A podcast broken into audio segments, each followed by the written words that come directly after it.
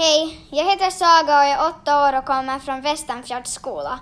Jag undrar, finns jultomten på riktigt och hur mycket lava kan det komma ur en vulkan på en gång? 10, 9, 8, ignition sequence start. 5, 4, 3, 2, 1, 0. Quantum leap. Quântico. Salto quântico. Salto quântico. Salto quântico. Kvantismo. Salto quântico, Salto quântico, Salto quântico. Kvantum, det du inte visste att du ville veta.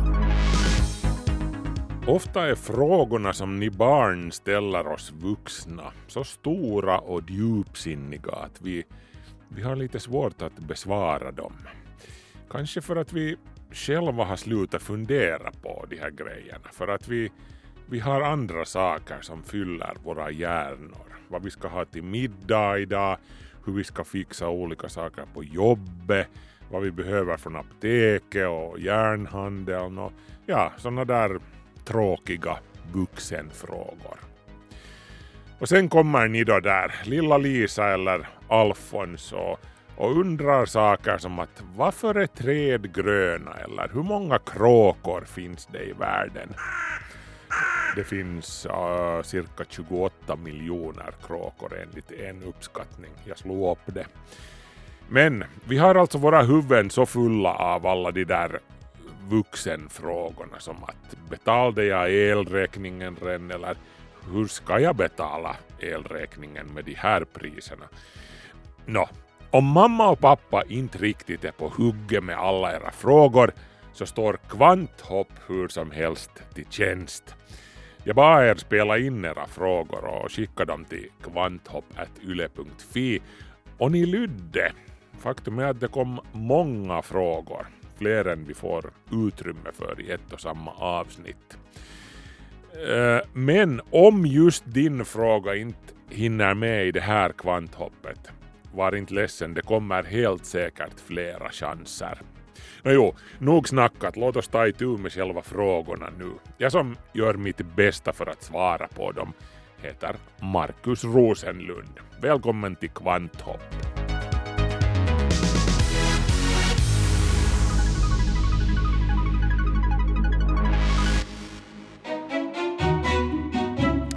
Rubriken för Kvanthopp den här veckan är alltså Barnen frågar, Kvanthopp svarar. Hej, jag, jag heter Ludvika, fyra år. Och varför, hur blir det nektar i blommorna? Och hur, och varför är elden röd och gul? Tack för frågorna Ludvig. Bra frågor. Eh, nektar är sött och gott och insekterna tycker om sånt. Vem gör nu inte det? Sött och gott, aj aj. Eh, blommorna bjuder då på nektar åt insekterna för att de ska landa på blommorna så att blommornas pollen eller frömjöl fastnar på insekterna. Äh, pollen finns alltså på blommans ståndare som är blommans pappadel inom citat. Äh, därifrån fastnar pollen är alltså på insekten medan den suger nektar från blomman. Sen flyger insekten iväg till en annan blomma och där fastnar det här pollenet som den har på sig på blommans, hur ska vi säga, mammadel, pistillen. Och sen blir det frön eller frukter som blir nya blommor med tiden. Så insekterna hjälper alltså blomman att laga nya blommor. Som tack för det får insekterna nektar som växten tillverkar i små körtlar som kallas nektarier. Lite sådär som körtlarna som finns vid dina ögon, de där som lagar tårar. Fast dina tårar är salta och, och nektarn är söt. Alltså. Du kan tänka på det som att blommorna gråter söta glädjetårar för att de är så glada för att insekterna kommer och hjälper dem att laga nya blommor. Och så ger de de här söta tårarna åt insekterna som tack. Ludvigs andra fråga var alltså uh, varför är elden röd och gul? Elden kan faktiskt också vara vit eller blå om den är riktigt, riktigt het. En svetslåga till exempel. Den är så het att den, den är vit eller blå till färgen. Men varför brinner saker? Varför brinner veden eller gasen i svetslågan? Nå, du och jag och luften och, och veden och, och gasen och allt annat också här i världen är gjort av pyttesmå saker som kallas atomer. I luften finns det en sorts atomer som kallas syre. Vi behöver andas syre för att kunna leva. Och de här syreatomerna som vi bland annat andas, de tycker också om att slå ihop sig med andra sorters atomer, till exempel kolatomer som finns i allt levande på jorden, som träd till exempel. Och när luftens syreatomer slår ihop sig med kolatomerna i en vedklabb så säger man att de reagerar med varandra. Kolet reagerar med syret. Lite som två legoklossar som du sätter ihop med varandra. Och när de här två atomerna, syret och kolet, går samman, då händer två saker. Ett, det bildas en ny, ännu större kloss, en molekyl som heter koldioxid. Det är liksom kol och syre tillsammans. Det andra som händer är att det frigörs energi. Den här energin den flyger sen iväg från veden i form av en ljuspartikel. En liten ljus legokloss som kallas foton. Och när fotonen lämnar veden då svänger den fram och tillbaka medan den flyger iväg. Och ju hetare elden är desto snabbare svänger den här ljuspartikeln. En svetslåga är så het att den kan smälta metall. Och svetslågans ljuspartiklar de svänger så supersnabbt att det här får svetslågan att se vit eller blå ut. Men de här ljuspartiklarna från en brinnande vedklabb i kaminen, de svänger inte så jättesnabbt medan de flyger ut från kaminen för den elden är inte lika het. Men den är ändå het så du ska inte gå och röra den. Och då ser den alltså gul eller röd ut. Så här är det alltså, äh, minnesregel. Ju mindre het en eld är, desto rödare är den. Du kan ju se på de glödande kolen i kaminen när elden nästan har slocknat. Kolen glöder rött för att det, det är inte är så hett längre där inne som det var medan elden brann riktigt ordentligt. Då var elden gul. Och det var alltså Ludvigs frågor. Och nästa fråga kommer från Leon. Han är fem år. Hej!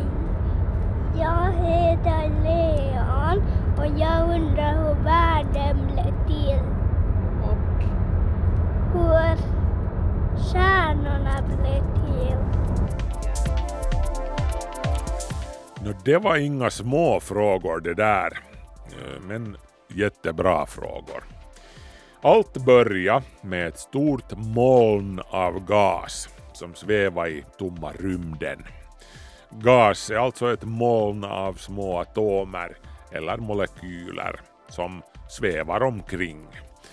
Med tiden börjar den här gasen i rymden att dra ihop sig till klumpar och ju större en klump blev desto mera gas lockade den till sig för, för ju större den blev desto starkare blev klumpens tyngdkraft.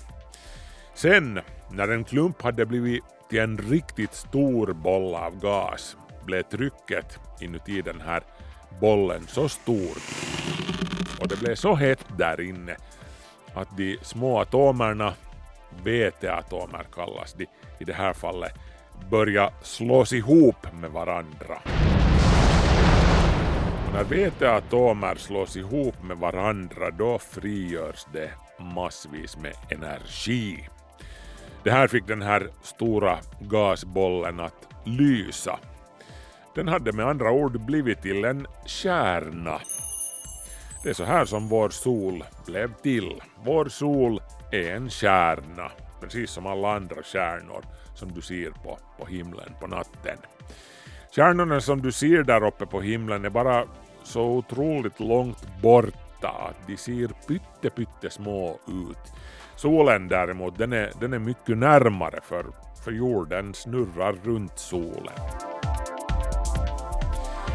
Men hur blev då jorden och de, de andra planeterna här i vårt solsystem till? Nå, när det här stora gasmolnet drog ihop sig till, till en stor boll, en stor klump som blev till solen, så bildades det också mindre bollar runt den här stora bollen som blev kvar och snurrade runt den, den stora bollen. Det här är vad som kallas planeter.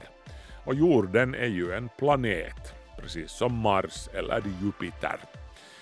Jorden och allt som finns på den består alltså av stoft, damm liksom, som fanns i ett stort moln i rymden. Du och jag och allt annat här på jorden är precis som solen gjorda av kärnstoft. Är det inte en ganska fin tanke det här? Sen tar vi en fråga från Gustav, fem år.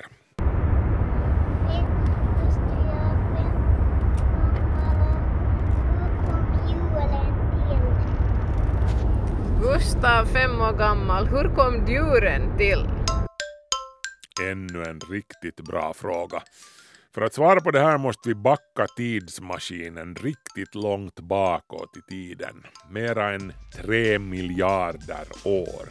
3000 miljoner år. Det är alltså detsamma som jätte, jätte, jätte, jättelänge sedan. Då kom det första riktigt enkla livet till på jorden. Det var inte ännu riktiga djur då. Det var mer som bakterier, sådana pytte, saker som bestod av en enda cell. Celler är lite som livets minsta legoklossar som, som innehåller allt det där som en levande sak, en organism kallar man det, eh, behöver för att funka. Och i, i långa, långa, långa tider, i flera miljarder år, var livet här på jorden just så enkelt. Inga djur, bara enskilda små celler, livets minsta legoklossar, som drev omkring i havet. Det fanns ingenting annat. Men sen, för omkring 700 miljoner år sedan, det är också jätte, jätte, jättelänge sen, började ett gäng med, med celler, de började gå samman.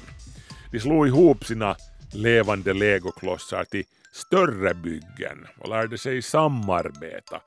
De märkte att hej kolla, vi är starkare tillsammans. Vi kan bli större tillsammans och vi kan göra en massa nya saker som vi inte kunde göra medan vi var ensamma. Det var så som de första djuren sen kom till. De allra första riktiga djuren de levde alltså i havet och de var av en sort som vi kallar svampdjur. Svampdjuren de finns fortfarande kvar, de växer på berg och, stenar under vattnet. Och de här första enkla djuren de blev med tiden bara större och större och, och mera och mera komplicerade. De blev till fiskar och insekter och växter och, och i, i något skede så tog de sig upp på land också och började leva här.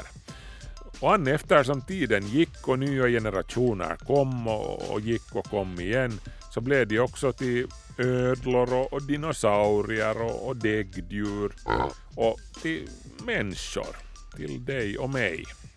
Du och jag, vi består alltså också av de här enklaste levande legoklossarna, cellerna.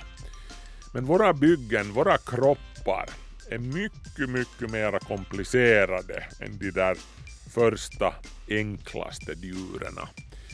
En fullvuxen människas kropp kan innehålla uppemot eh, 38 biljoner celler. Det, Det är ett så stort tal att det, det inte riktigt går att föreställa sig. Inte ens jag kan föreställa mig det.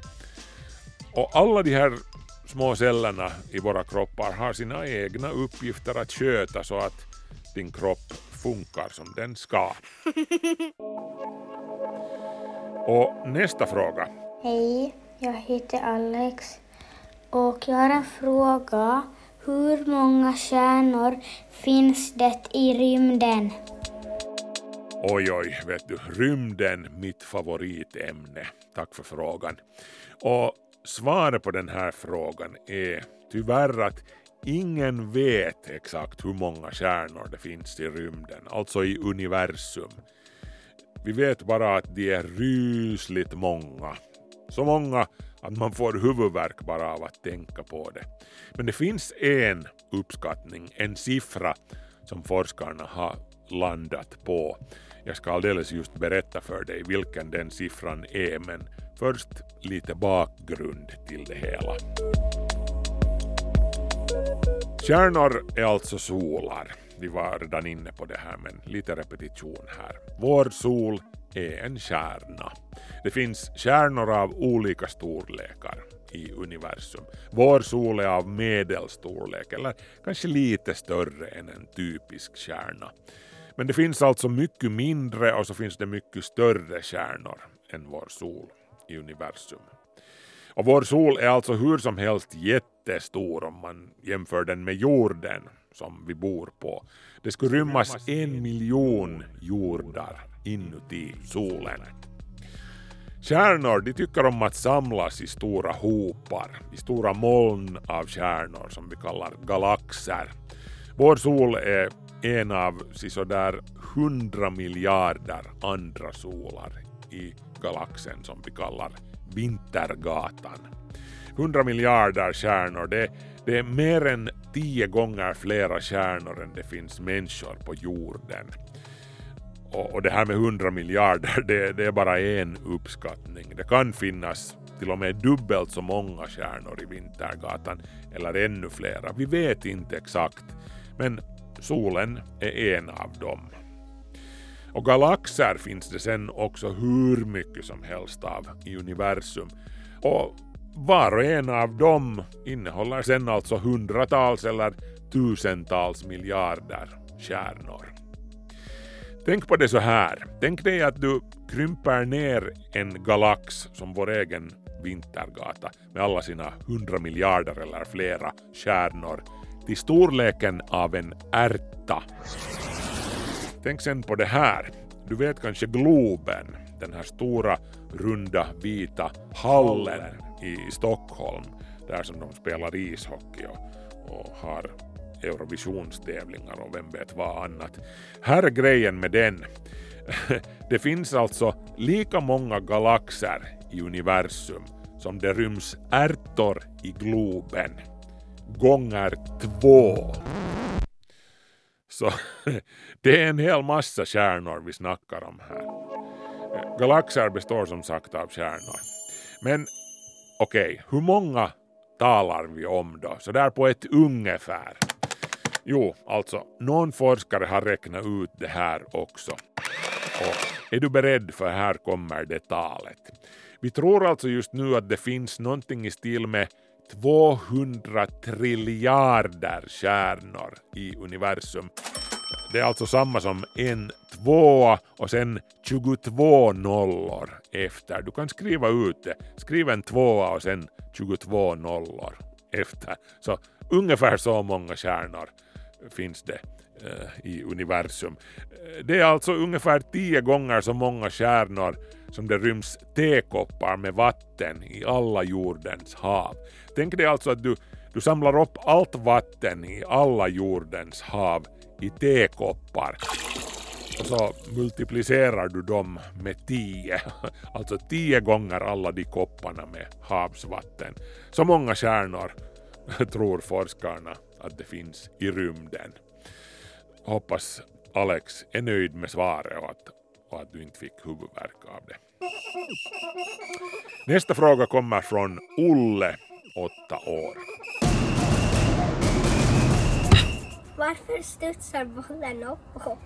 Hmm, sport och bollspel, det var, det var aldrig riktigt min specialitet i skolan, så vi får ta till lite fysik istället. Och det handlar ju om energi, det här. Allting i universum är energi i en eller annan form. Materia som du och jag och, och det här bordet består av är, är bara en sorts energi. Energin är oförstörbar, säger man. Energin är evig, den kan varken skapas eller utplånas. Den kan bara liksom överföras från ett tillstånd till ett annat. Och det är precis vad du gör när du lyfter upp en boll för att fälla ner den mot golvet. Det du ger åt bollen då kallas potentiell energi. Ju högre upp du lyfter bollen, desto mera potentiell energi får den här bollen. Potentiell energi finns också till exempel i klockornas spiralfjädrar, sådana som Famo och Fafa hade förr i tiden. fanns det klockor med fjädrar i. Och, och, och det finns i spända gummiband också till exempel. Eller så kan det finnas till exempel i bensin eller i en bomb. Det är energi som finns lagrad i någonting, i ett föremål eller någon vätska eller någonting som, som sen kan frigöras när någonting händer med det här föremålet i fråga. Som att du tänder eld på bensinen. Eller att du släpper taget om bollen så att den börjar falla mot golvet. När bollen släpps kommer den potentiella energin som du gav den att börja omvandlas till någonting annat som kallas kinetisk energi. Det här gör bollen genom att den förlorar sin höjd och ökar sin hastighet.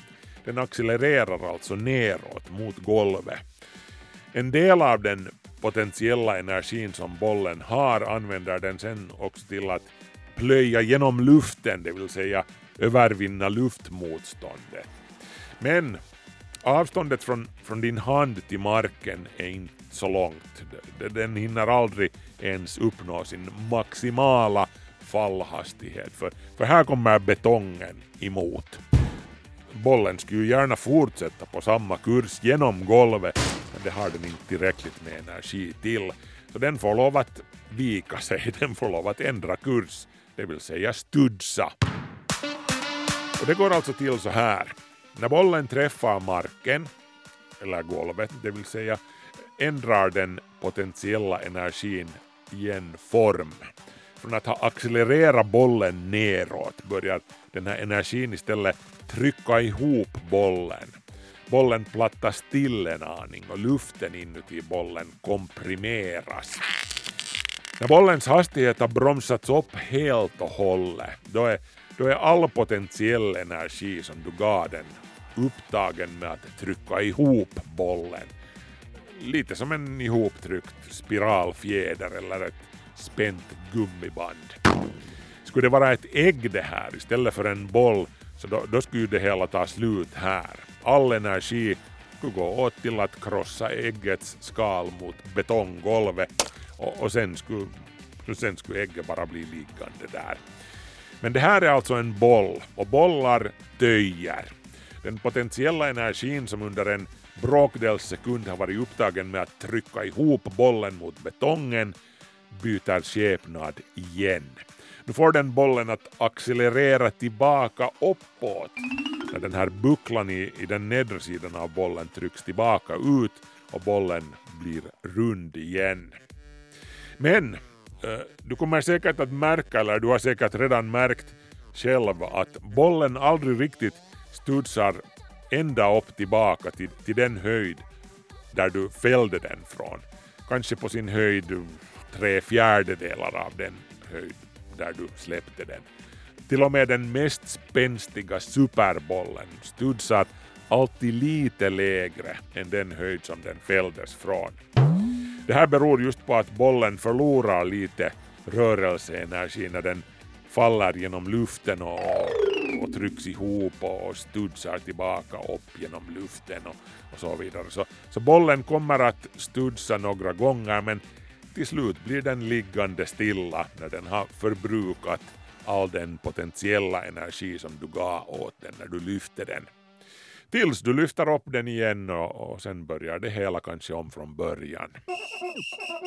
Förresten, när du, när du lyfter upp den här bollen så då omvandlar dina muskler ju en liten bit potentiell energi från skinkmackan som du åt till frukost och överför den till bollen. Maten som du äter innehåller ju nämligen också potentiell energi som din kropp sen omvandlar till kemisk energi för att hålla igång din kropp. Det var alltså Olles fråga, hoppas du blev lite klokare där. Och ser man på så den klockan tickar. Vi börjar ha slut på tid. Men ett par snabba frågor hinner vi med. Uh, hej, jag, jag är Simon och, och jag fyller snart uh, uh, sju, sju och, och, och jag, jag är i skolan och, och jag skulle vilja veta varför, hur, hur kan, mur, kan, kan murarna lyssna? Att kan hu- murarna äh, äh, li, äh, höra någonting? Eller äh, varför kan man inte köpa något utan pengar? Tack för frågorna Simon. Din första fråga, den om myrorna, den kan jag svara på. Myror har inte öron som du och jag, så de hör egentligen inte. De känner istället vibrationer i marken med sina ben och fötter. Så myrorna hör inte dig när du kommer gående, de, de känner med fötterna att oho, marken skakar, det måste vara en människa i farten. Och sen var det den här frågan med varför man inte kan köpa någonting utan pengar. Det där måste jag be att få återkomma till, den är, den är ganska svår faktiskt. Jag, jag ska ta lite hjälp av min kompis Patrik som är ekonomiredaktör här på Svenska Yle. Vi tar det i ett annat avsnitt, vi återkommer till det här, jag lovar. En fråga till hinner vi med. Hej, jag heter Saga och är åtta år och kommer från Västanfjords skola. Jag undrar, finns jultomten på riktigt och hur mycket lava kan det komma ur en vulkan på en gång? Finns jultomten på riktigt? det där, mamma och pappa tror kanske nu att jag skojar, men om kvantmekanikens många världar tolkning är korrekt, så, så jo, jultomten existerar på riktigt, helt på riktigt. Men vi hinner inte gå in på det i detalj nu. Vi kan ju lyssna på ett klipp från 1968. Det är befälhavare Frank Borman som talar från Apollo 8 rymdkapseln, just som de har rundat månen. Vi kan bekräfta jultomten existerar, sa alltså Borman som, som befann sig ute vid månen då. Och så var det vulkanfrågan. Hur mycket lava kan det komma upp ur en vulkan på en gång? Eh, ett av de allra största vulkanutbrott som vi känner till är vulkanen Tobas utbrott för nästan 75 000 år sedan. Toba som ligger i det som idag är Indonesien spydde då ut omkring 2800 kubikkilometer lava och aska tillräckligt för att täcka en yta på cirka 20 000 kvadratkilometer. Det är alltså en yta som är mer än dubbelt så stor som hela Nyland.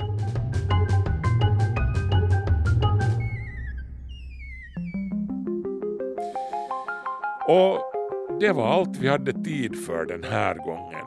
Ni vars frågor jag inte hann med den här gången, det blir flera avsnitt redan den här hösten sannolikt. Så vi återkommer helt säkert till det här. Flera frågor kan ni förresten spela in redan nu och, och, och skicka till kvanthopp.yle.fi. Men nu är Kvanthopp slut för den här veckan. Jag heter Markus Rosenlund. Ha det bra, vi hörs, hej så länge.